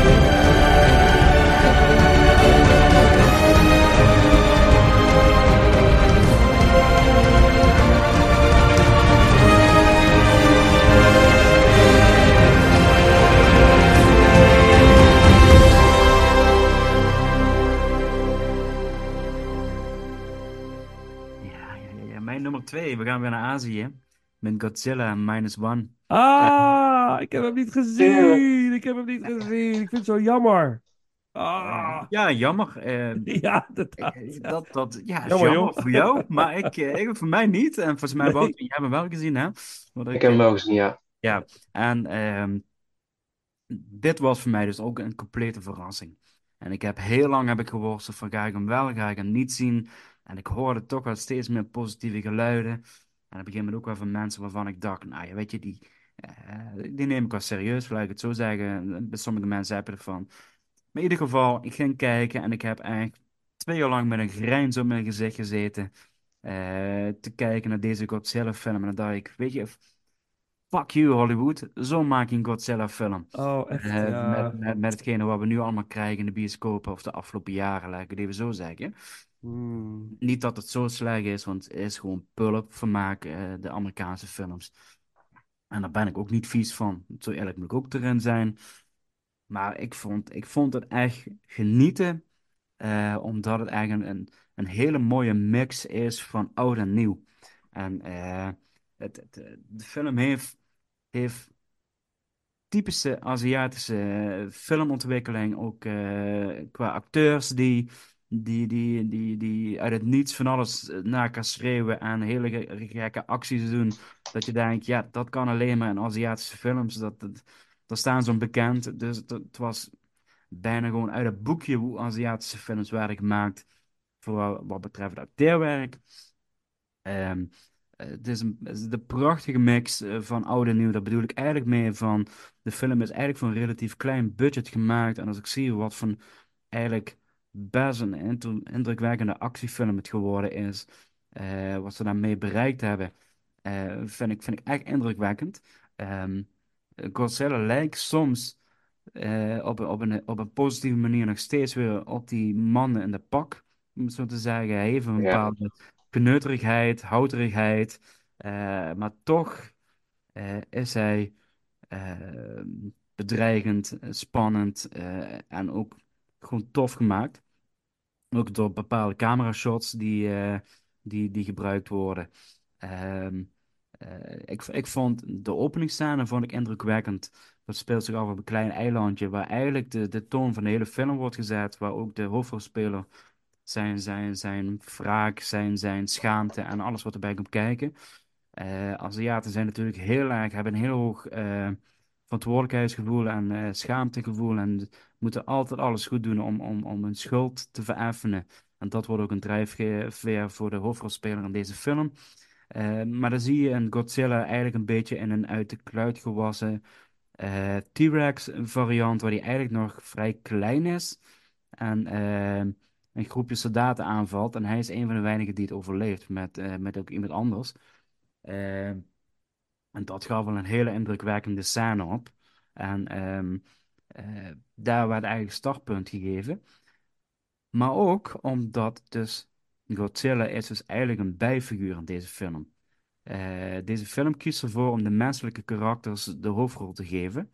En kiest daarna, na de spectaculaire openscène, ervoor om helemaal naar de, hoofd, naar de menselijke personages te gaan, om daar karakterontwikkeling te creëren. Dat speelt zich af na de Tweede Wereldoorlog, de impact van de atoombommen, uiteraard, want dat is natuurlijk hetgene waar Godzilla door ontstaan is. Ehm, even kijken wat ik nog meer heb opgeschreven. Eh, dus dat- ze nemen even gas terug om de menselijke personages te introduceren. Er zit op een gegeven moment zelfs nog een heel vrolijk deuntje in, hè, of een, montage alsof je denkt dat je naar een of andere comedyfilm bent aan het kijken, naar een slapstickfilm. Ehm ehm, en dat brengt eigenlijk drie vreemde mensen brengt bij elkaar. De hoofdrolspeler, de mannelijke hoofdrolspeler, de vrouwelijke hoofdrolspeler en een baby. En ze hebben eigenlijk niks met elkaar te maken, maar ze vormen eigenlijk on, ongewild vormen ze een gezin. En, eh, en dat brengt, brengt eigenlijk ook een beetje de, de, de, de boodschap van deze film van je hoeft niet verbonden te zijn door bloed, maar je vecht voor je familie. Eh, en je gaat daar heel diep voor. Ehm, maar aan de andere kant zie je dus ook Godzilla, de reptiel, wat eigenlijk gewoon de slechterik tegen wil en dank is. Want hij wordt aangevallen, hij wordt eh, als een bedreiging gezien, hij wordt, eh, hij reageert als een beest wat in de nauw wordt geduwd. En is, is Godzilla echt zo'n slechterik? Of niet? Dat is natuurlijk ook waar ze in deze film best wel mee spelen. Eh, en zonder daarmee de bedreiging of de dreigende sfeer van Godzilla te verliezen. Ehm, en hij is, hij is sloom, hij is lomp, hij, hij eh, vernietigt alles op zijn pad, om zo maar te zeggen. En ehm, ja, ik, ik, ik vond het eigenlijk gewoon een, een, een, een, een, een, ja, een verrassing. Dat ik dacht van, ja, holy fuck, zo kan het dus ook, mensen. En dat, eh, dat, dat, dat eh, heeft me doen besluiten om deze op nummer 2 te zetten. Mooi. Wauw. Ik wil echt zo graag. Ik ga, ik ga hem ook zien, maar hij draait gewoon niet hier in de stad. In Zoetermeer niet. Moeten, dus, en Rotterdam draait hier vervelende tijden voor mij. Ja, ik denk dat die window ook een beetje nu aan het, sluiten is daarvoor, Ja. voor deze film. Ja, ja. ja dat, dat was voor mij wat ik meespeelde. Gewoon eigenlijk ver- vervelende klote tijden. Hmm. En de, de zaal vond ik best beschamend leeg. Dat ik eigenlijk dacht van... Voor mij is dat juist vol. Dat, dat was Ah, ja, apart. dat, dat, dat is mooi dan. eh, want dat, dat gun ik deze film ook. En eh, ja, dit, Ja. dit- dit, eh, maar goed, het is al een succes. Dus er zal zeker een vervolg komen vanuit Azië. Ja, bedoel, met die, met die endcredit, met, met, met, die, met die eindsequentie die erin zit. Ja, ja, precies. Dat Dus- moet haast eigenlijk wel, maar gelukkig zeggen ze erover van, nou, kalm. We, we Ja. doen het wel wanneer we het doen. Precies. In ieder Geen haastwerk, geen... geen haastwerk, nee. Ja, ja, ja. Niet volgend jaar al de sequel. eh, Nee, gelukkig niet. Hij Dus- wordt wel hij wordt al alom, alom geprezen. Dus misschien krijgt hij nog wel een waardere release ook hier in de buurt. En dan kan ik ook gaan kijken. Maar ik wil hem wel in de bios eh, zien. Ja, het zou eigenlijk wel het mooiste zijn. voegt wel meer toe, ja. Ja, dat is het voor de, voor de beleving, zeg maar. Natuurlijk vaak met bioscoop. eh, gebeuren. Maar Gaaf, ja, nummer twee. Ja, Ik heb Godzilla wat Minus One. liedje je hebt uitgekozen. Ja, ik, is- ik heb de Godzilla Suite door eh, Naoki Ja. Sato. Dus daar gaan we die Ik vind gewoon hem doen. helemaal goed. Ik heb geen idee waar die over gaat, maar ik zei doen. Dat is, dat, is klassieke, dat is het klassieke thema van Godzilla. Het zit Oh, meerdere oké. keer in de film. Is 1954. Ja, Godzilla. Godzilla. 19 Raak de is 1954 versie is wel een nou, klein meesterwerk trouwens. Oké.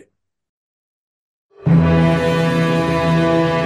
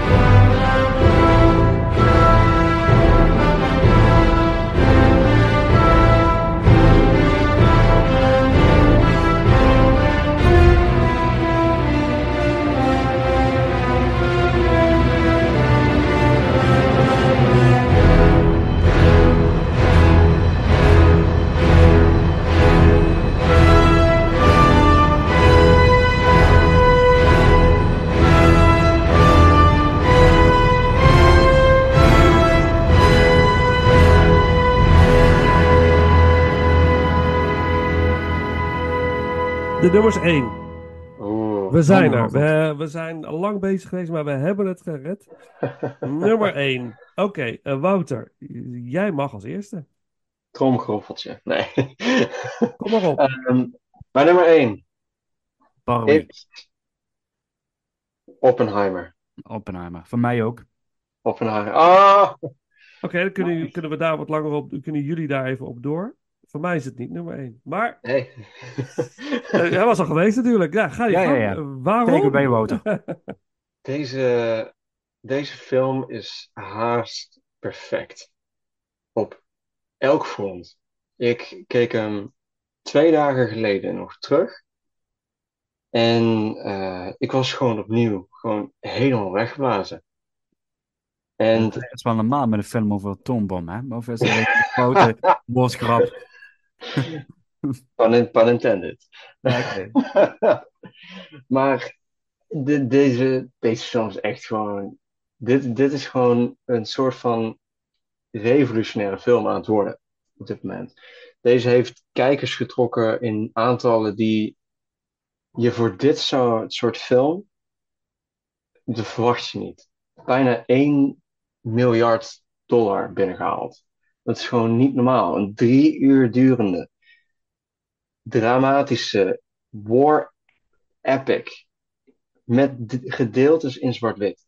Dat is gewoon onvoorstelbaar. En de, het verhaal wat hier verteld wordt over de vader van de atoombom, hè, Robert J. Oppenheimer, als ik het goed heb, dat is, eh, het is echt, je, krijgt, krijgt, je krijgt zo'n kijkje in zijn, in, zijn wereld, in zijn gedachten, in zijn motivatie. En, en nog niet eens gedurende de hele sequentie wat werkt richting de eerste test van die atoombom, Trinity.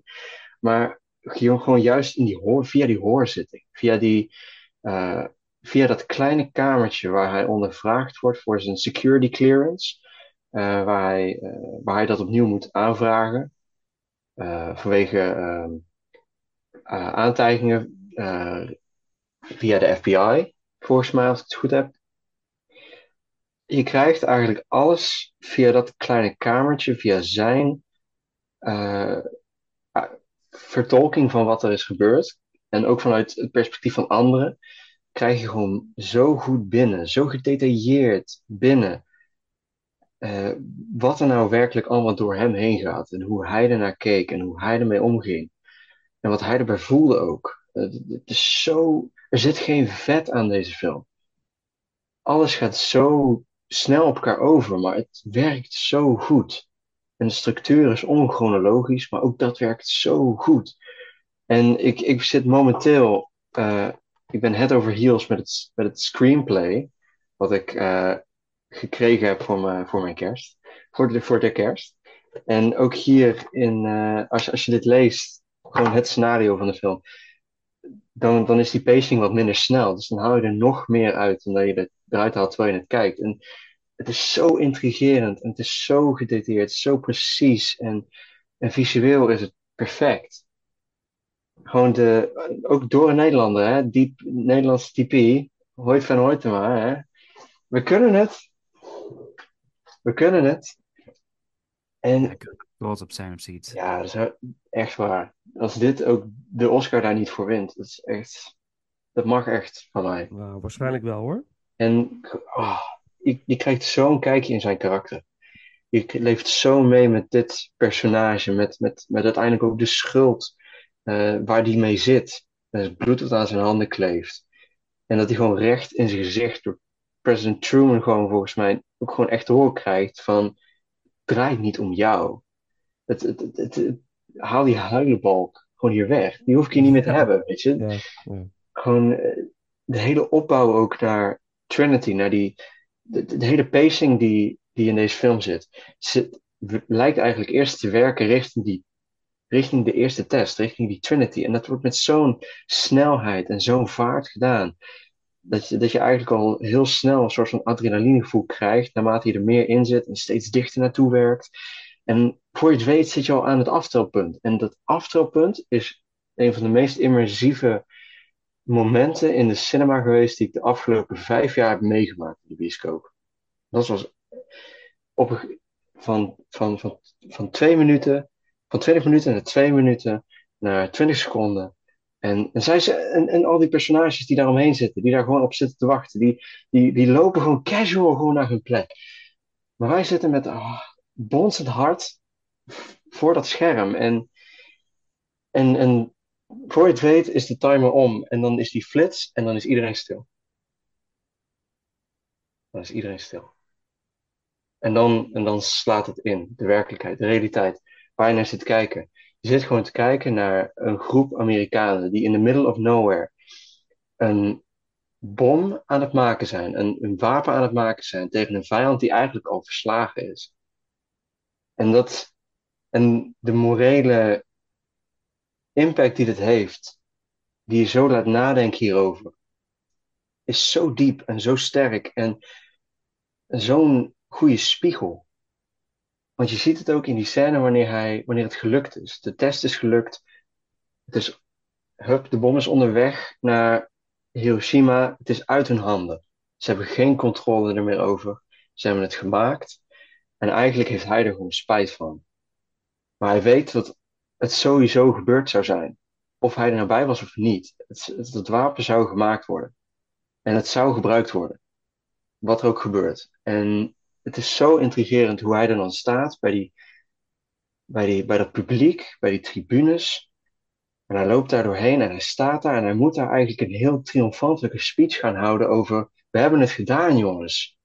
We zijn, we zijn trots op jullie. En, maar eigenlijk mag je dat helemaal niet zeggen. Eigenlijk mag je dat gewoon niet doen. En hij weet dat, maar hij moet, hij moet het wel. En hij staat daar met zo'n twijfel en met.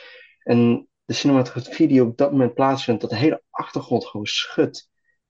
Zijn hele morele eh, eh, bestaan, die wordt, dit schudt op zijn grondvesten. En het is zo sterk en zo emotioneel impactvol. En dan komt er nog een hele derde acte achteraan. Van, van wat zijn persoon ook gewoon door die, door dat, door die schuld die hij hiervoor voelt, hoe hij zich eh, gewerkt heeft tegen, die, tegen de ontwikkeling van de H-bom, hè, van de waterstofbom, van de super eh, atomic, van de super program, wat eigenlijk de Amerikaanse overheid toen juist wilde doen. Van nu moeten we wel, de Russen weten nu dat we dit gedaan hebben. Dus die arms race die begon. En hij wilde dat tegengaan. En dan merk je hoe hij gewoon gecanceld wordt cancel culture in de 40s. Hè? Om, om, op, een, op een niveau en op een, op een thema wat eigenlijk, waar je eigenlijk helemaal niemand om zou mo- mogen cancelen. Dat, Ja, dat is iets, zo... is, dat is iets voor alle tijden. Hè? Het gebeurt gewoon nu nog steeds. En dan, is- en dan komt dat moment, dat wat je ook zei, wat je zelf ook zei, van dat die aanname die Strauss maakt, het karakter van Robert Downey Jr., Golden Globe voor best, best Supporting Actor mag hij van mij krijgen bij de Oscars. Mhm. Het is gewoon zo goed. En gewoon die aanname die hij maakt. Hè? Hij denkt dat het om hem gaat. Die opmerking die eh, Oppenheimer maakte tegen eh, Einstein. Bij dat meertje, bij dat vijvertje. Maar het ging eigenlijk helemaal niet om hem. En je, en je hoort eindelijk, wanneer je hoort wat daar gezegd wordt. Van hoe, dat, eh, hoe de berekeningen een, een kans gaven dat mogelijk de kettingreactie die in een eh, atoomontploffing plaats kunnen vinden. In een, dat, dat die uiteindelijk dat die kettingreactie niet stopt. En dat het de atmosfeer kan wegbranden. Dat het, dat het een wapen wordt wat gewoon eigenlijk, gewoon eigenlijk de wereld vernietigt. In dat opzicht. Dat is het symbolisch geworden. En dat is. En die, re- en bewaart het gewoon voor de laatste tien seconden.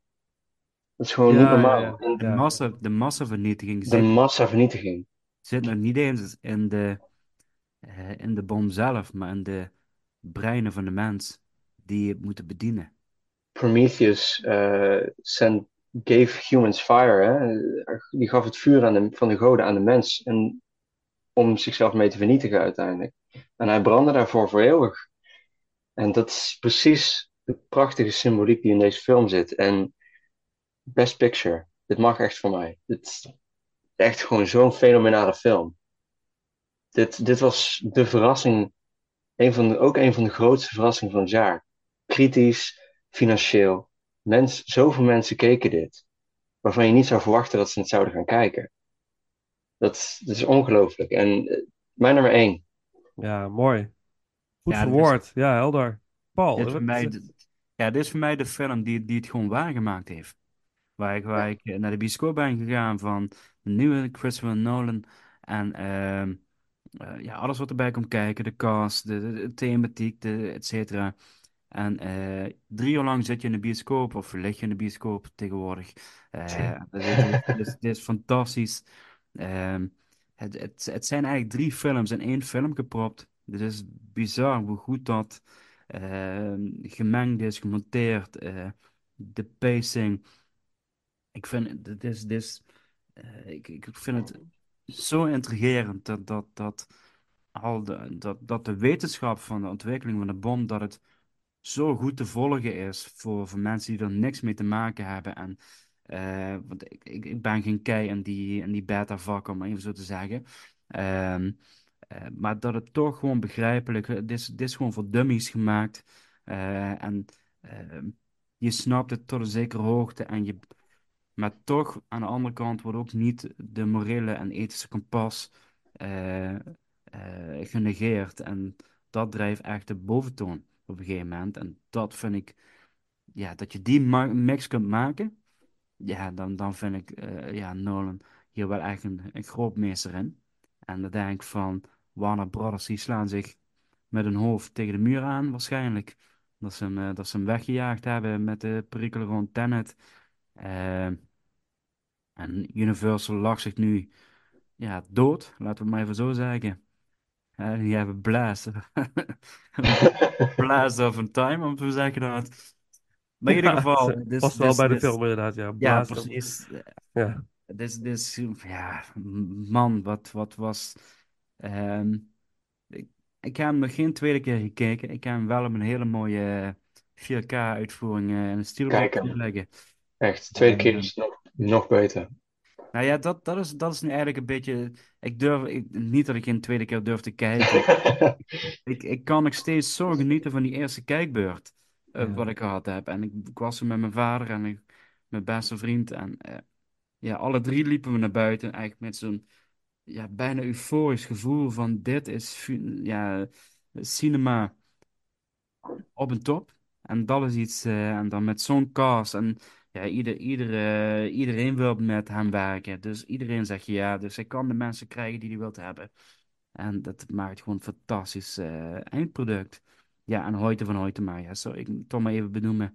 Dat, hij was op zomergasten eh, voor, voor de release van Oppenheimer. Ja, en hij vertelde eigenlijk dingen. En ja, ze hebben zoveel geprobeerd om gewoon praktisch in beeld te brengen met heel veel filmtechnieken. Ja, dus het is gewoon prachtig om te zien. En eh, ik wil, ik wil wel nog twee, twee acteurs wil ik eigenlijk even nog extra benoemen die me eigenlijk positief verrast hebben. Dat was eh Josh Hartnett, eh, die, die eigenlijk voor het eerst in een heel lange tijd enorm sterk in een goede film te zien was, wat hij echt verdient. Eh, maar ook Benny eh eh, Safdie, als ik het goed zeg, is, een, is ook, hij regisseert ook films. Zo Uncut Gems is bijvoorbeeld ook een film waar hij in speelt. Hij speelt Edward Teller. Eigenlijk een beetje het geweten van, van Oppenheimer. Die twee liggen ook elkaar behoorlijk in de clinch, omdat het eh, een beetje rivalen zijn met hun verschillende projecten, maar samenwerken vanwege het grotere doel. Ehm, ja, die, die, hij acteert ook met een bepaald accent in deze film. Dat, ik vind dat zo. Ik vond, ik vond, ik vond die echt een, een, een eye-opener. Dat ik dacht van. Die, die trok me echt de scène in, zeg maar. Die, die vond ik eigenlijk een geweldig acteren. Dus dat wou ik nog even toegevoegd hebben. Oh, dat, dat is ook zo'n ding wat ik ook nog laatste ding als laatste ding wil toevoegen. Hè? Van wat ik zei van dat eh, van die van eigenlijk cancel culture in de 40s. En wat Einstein ook gewoon aangeeft in deze film. Ook een fantastische acteur, degene die hem speelde. Props, echt. Hij deed fantastisch. Tot, tot accent en haren aan toe, alles klopte. En eh, hij geeft op een gegeven moment ook gewoon een, een, eh, een voorbeeld aan Oppenheimer van, eh, van wist je met deze onderscheiding gaf voor dit ding.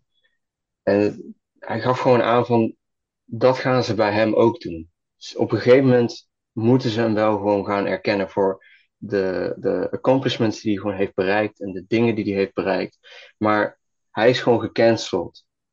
Hij, ze willen dat eigenlijk niet doen, maar ze doen het dan meer voor zichzelf dan voor hem. Om zichzelf, om, om, dat, dat de wereld zichzelf kan vergeven, dat ze Oppenheimer verstoten hebben daardoor. Zichzelf vrij te pleiten. En dat is triest, want dat is bij cancel culture echt precies hetzelfde. Dan, dan doen we het eigenlijk, eh, dan doet het overgrote deel volgens mij, als iemand geredeemd wordt. Bijvoorbeeld Brendan Fraser vorig jaar ook met de Oscars en et cetera. Als, als dat soort personen dan weer terugkomen, dan wordt die gewoon weer om, omarmd. Maar dan voelt het niet meer alsof we het voor die persoon doen. Maar dan voelt het alsof we het voor onszelf doen. Om, om onszelf weer een beetje goed te praten. Dat we het, om, om het voor onszelf weer goed te maken. Dat we het, dat we het gedaan hebben überhaupt. Dat is toch altijd een beetje de dunne lijn met alles. Doe je het Ja. voor jezelf of doe je het echt voor iemand anders? Ja, mooi. Hey, Tom jullie nummer één. Ja, wat zei je, Paul? Nou, Tom Conti was degene die Einst- eh, ah, Einstein speelt. Ah, ja, ja. Mooi. Ja. Jullie nummer 1, ik durf bijna niet meer naar mijn nummer 1 te gaan, jongens. Wat een. Uh, wat een uh, relatie. Natuurlijk wel een vermoeden, nee, we, gaan, uh, ja, mooi. Nog één stukje muziek uit Oppenheimer. De track Oppenheimer, Ludwig Göransson. En dan mijn nummer 1.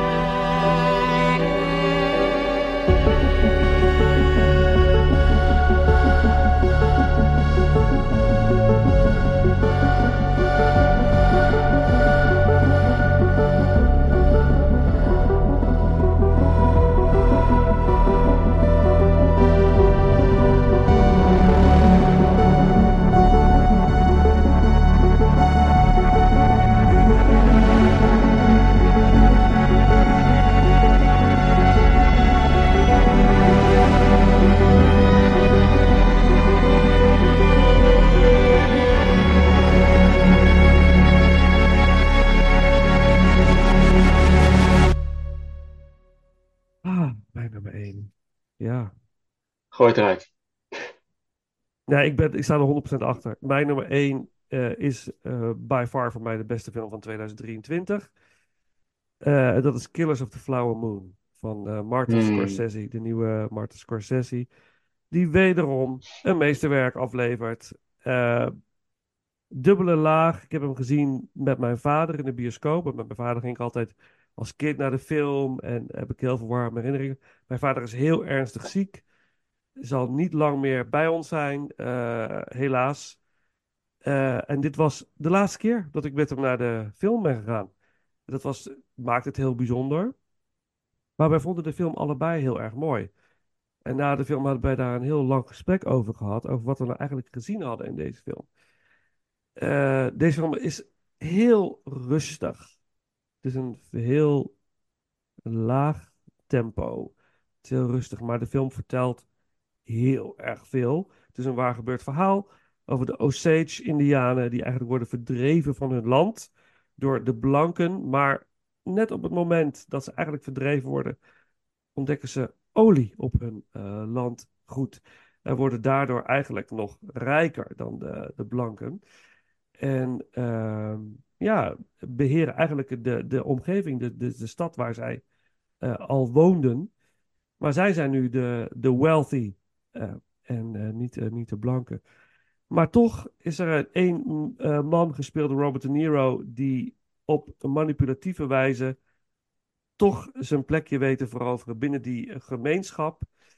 En uiteindelijk zo manipulatief is dat hij eigenlijk aan het proberen is om het hele, het hele rijkdom naar zichzelf toe te trekken. En hij gebruikt daarvoor zijn neefje, gespeeld door Leonardo DiCaprio, die net terug is uit de Eerste Wereldoorlog, om eh, eigenlijk eh, eh, nog verder binnen die community te komen, door hem te koppelen aan een Osage Indiaan-vrouw. Fantastisch gespeeld door Lily Gladstone, die echt voor mij de Oscar beste actrice mag winnen. Want hoe zij acteert in deze film, vind ik ongelooflijk. Ik was zo onder de indruk van haar acteerwerk. Ik, ik was echt, echt blown away. En ik weet dat Scorsese haar had gevraagd. Hij had een Zoom-call met haar gehad in de coronatijd. En hij had haar on the spot in die Zoom-call aangenomen. Hij zegt, niemand anders dan zij kan dit spelen. En wederom eh, bewijst hij daarmee zijn vakmanschap door. Dat ge- gewoon perfect te zien. Maar uiteindelijk, dat is het hele spel. Het is een waar gebeurd verhaal. En uiteindelijk eh, vallen er allerlei doden. Dus die Osage-Indianen, die, die sterven. Die worden vermoord. En uiteindelijk wordt de FBI erop gezet. Onder leiding door J. Edgar Hoover. Om te onderzoeken wie die moorden plegen. En uiteindelijk zal inderdaad de- het karakter van Rob De Niro daarin door de mand vallen. Want hij is de, de, het brein achter, achter de, de massamoorden. En, maar zijn handlanger, DiCaprio, eh, is ook onderdeel daarvan. En hij manipuleert, misbruikt eigenlijk zijn eigen vrouw. En je kunt hem, en dat vond ik heel indrukwekkend in deze film, je kunt hem zien als een slechterik. Maar hij is het eigenlijk niet. Hij is gewoon een man die niet het verstandelijk vermogen heeft om te doorzien wat er gebeurt. En het is heel gek om te zeggen, maar ik zie dat soort mensen heel veel in mijn werk. Mensen die gewoon niet eh, het niet kunnen begrijpen, net niet kunnen begrijpen, net op dat grensgebied zitten en daardoor ontzettend beïnvloed worden door hun omgeving. En daardoor hele rare keuzes maken. Waarvan je denkt van, waarom doe je dit? En ergens wel weten dat het misschien niet goed is, maar toch kunnen worden gemanipuleerd door het. Snap je wat ik bedoel? Door dan toch de dingen te doen die ze eigenlijk niet zouden moeten doen. Ze zijn Jongens, ja, jongens die bijvoorbeeld drugs uit de Rotterdamse haven ophalen.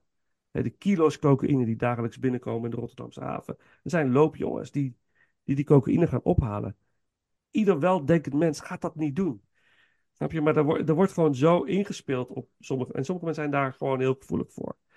En DiCaprio is zo'n karakter en hij doet dat zo goed. Er zit een moment in de, in, in de film aan het einde dat hij tegenover zijn vrouw zit. En eigenlijk hij zij vraagt hem recht in zijn gezicht van...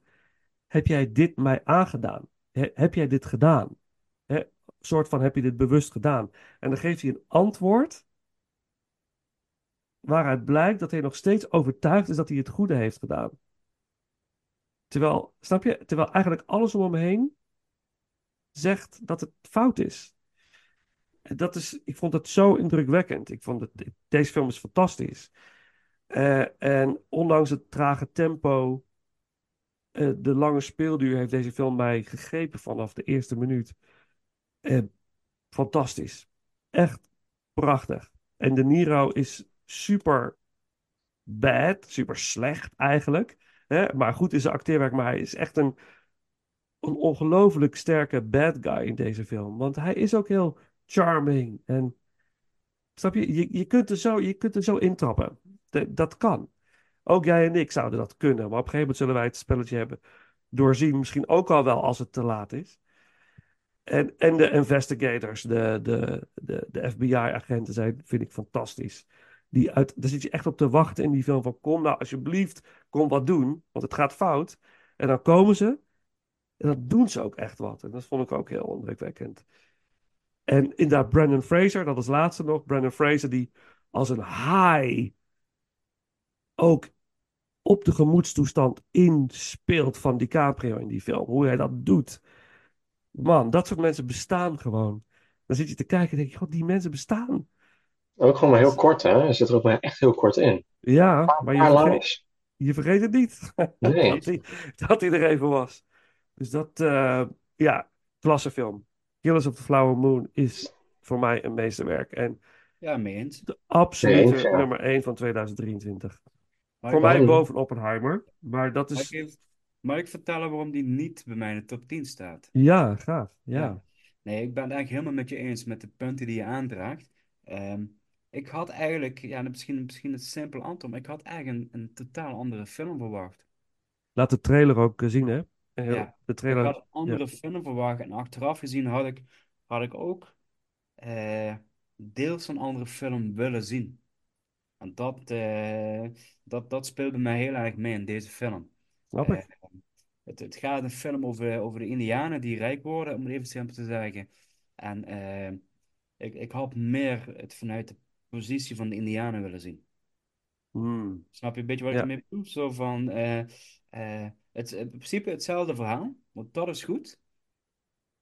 Maar meer vanuit het perspectief van de Indianen. Ja. Nou, ik, ik vond dat, dat, eh, dat die film dat genoeg deed. Voor mijn gevoel. Ja, het is wel een interessant perspectief Ja. dat je het dan neerzet vanuit de mensen die het juist hen aandoen. Dat je het juist vanuit hun perspectief ziet. Eh, en daar inderdaad het personage van Lily eh, Gladstone, daar, daar als een soort van leidende factor voor die OC, als, al- voor die OC's dan in, in zij, zij staat als voorbeeld voor wat die OC's wordt aangedaan. Dus je hebt eigenlijk Absoluut. beide partijen die werken goed met elkaar samen in dat opzicht. Eh, Ja, ik denk dat het een goede is, als, ja. Ja. als ik even een simpel voorbeeldje mag geven, zonder we ook niet te lang gaan uitbreiden gezien de tijd. Ja. Ehm, dat ehm, ehm, in, in de film zie je dat Robert De Niro DiCaprio de opdracht geeft om eh, Lily Gladstone het, het hoofd te maken, hè, zijn, zijn, zijn, zijn, zijn, zijn, haar hart te overwinnen. Dat, dat spreekt voor zich, als je de film ziet, film ziet. Ik had het juist interessanter gevonden als je juist de andere kant had gezien van het, het- hetzelfde duel wat gebeurt. Een beetje als de Last Duel, wat we twee jaar geleden Mm. hebben gehad. Van dat je het meerdere perspectieven van een verhaallijn ziet. Mm. Niet letterlijk zo kopieert, maar dat je dus... Ik, ik had het interessanter gezien als de Indianen op de voorgrond hadden gestaan. Waarin wel de Amerikanen die hun praktijken uitvoeren. Maar ik had willen zien, ehm, zo van, hoe keken zij ernaar? Want ze hebben door wat er gaande is. Want die moeder van de, de drie dames, die ziet dat een, alle drie de dochters eigenlijk eh, in de val lopen voor de charmes van de blanken, om even simpel te zeggen. Ik, ik Ja. had het, daarom dat ik zei, ik had het meer van die kant willen zien. Of dat had ik interessanter gevonden. Ja. Dat is eigenlijk wat ik daarmee wilde zeggen. Nee, helder. Ja, nee, ik, ik kan, ja ik, ik, vond, ik vond die balans wel, wel oké of zo. Ik heb daar nooit, nooit zo, zo bij stilgestaan. Maar die moeder inderdaad is wel een indrukwekkend karakter. Want die ziet heel veel, maar ze durft niks te doen. Ze kan niks. Ze heeft het gevoel dat ze niks kan. Dat vond ik ook heel indrukwekkend. Ja, Dat, ja, dat, dat machteloze. Dat, dat eigenlijk... en Dat de Lily Gladstone eigenlijk de, de verpersoonlijking is van, van de hele groep. Van wat haar wordt aangedaan is natuurlijk verschrikkelijk. Echt vreselijk. En dat... direct de winnares van de Oi, oi, oi. Ja. Wat een, ja, en hoe... Oh, wat een fantastische film. Dus wat eh, dat... Ja. Ja, wat, wat het persoonlijk voor mij niet in de top 10 liet, eh, liet staan, was het feit dat het ook alweer een soort van eh, klassieke Scorsese-structuur had. Eh, dat, dat, waardoor het voor mij een beetje minder verrassend voelde. Eh, Mm. het, heeft, het, heeft, het deed me heel erg denken aan de structuur van bijvoorbeeld eh Goodfellas en Wolf of Wall Street, waarin eigenlijk één zo'n hoofdpersonage eigenlijk in een soort van circuit terechtkomt, eh, door eigen wens of door specifiek, specifieke invloeden, waarbij die dan, waarbij die situatie eigenlijk steeds verder in een soort van, soort van escaleert en uiteindelijk komt er een punt waarbij ze allemaal in een soort van trial eh, de keuze moeten gaan maken van gaan we hier uitstappen of gaan we, of gaan we door? Mm. En, en eh, dat vond ik eigenlijk ook wel heel interessant. eh, ook maar even gezegd hebben van we hebben echt heel veel grote regisseurs gehad dit jaar die opnieuw klasse producten hebben neergezet. Dat, dat wel even gezegd hebbende. Maar voor Scorsese vond ik het ook weer interessant omdat eh, het voelt, als, als ik dan terug refereer naar die, naar die films, zoals naar de Goodfellas en naar de Wolf of Wall Street en zo, die eigenlijk eenzelfde structuur aanhouden, dat, dat deze film eigenlijk voelt alsof je duidelijk kan merken dat Scorsese en co. eigenlijk eh, ook echt ouder worden. Dat, dat deze films, van, dat zijn films eigenlijk een soort van aan het rijpen zijn als een soort van, ja, als een goed wijntje. Als een goed wijntje. Dat, dat, Dat is worden toch steeds... fantastisch? Ja, Ja, dat is toch, dat is toch heerlijk? Ja. Nee, maar ik, wil- ik, ja, we moeten het hier even bij laten. Het is echt, het is echt tijd om te stoppen. Wel, eh, het, voor, de, voor de luisteraars, het loopt nu tegen ene. En eh, het is een eh, werkdag. Dus we moeten wel gaan. Voor mij althans. We moeten gaan. ik moet er vroeg op. Ehm, eh, ik weet niet hoe het bij jullie zit. Of jullie nog een, een vroege ochtend hebben morgen. Ja, ik ook. Ja, oké. Nee, dan, dan het lijkt het me wel tijd om. eh, Ik kan het Eh, hebben. maar nog een stukje muziek uit Killers of the Flower Moon, de Osage Oil Boom. eh, muziek door Robbie Robertson. En dan ronden wij af.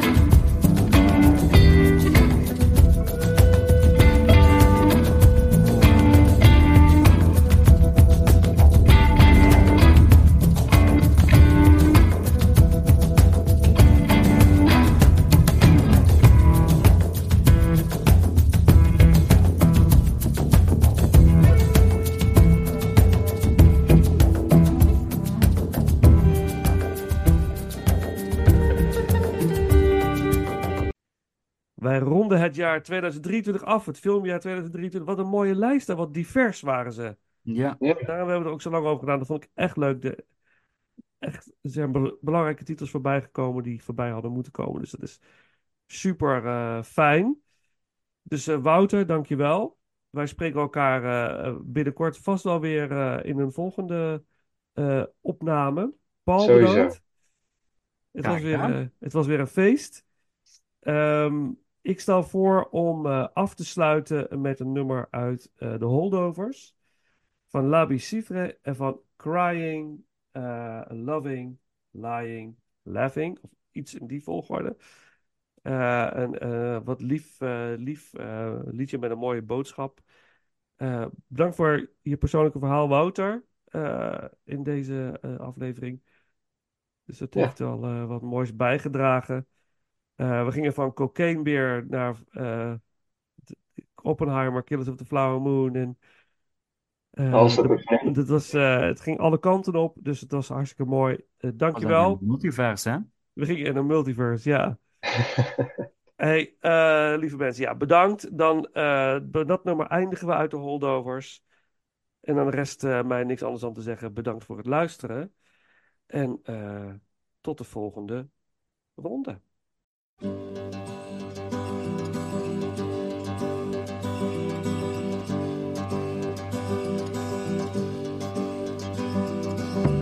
Crying. Crying never did nobody no good, no how.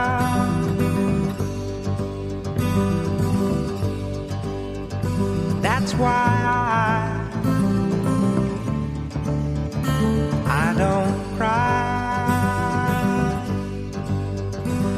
That's why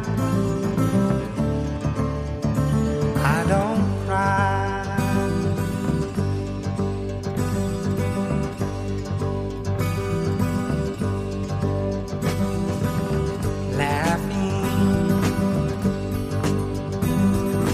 Laughing sometimes does somebody some good somehow.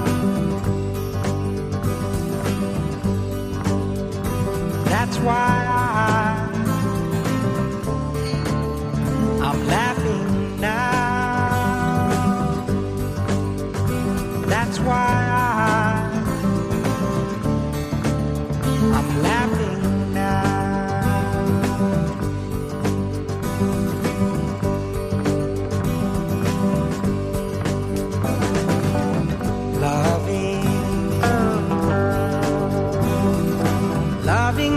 did me no no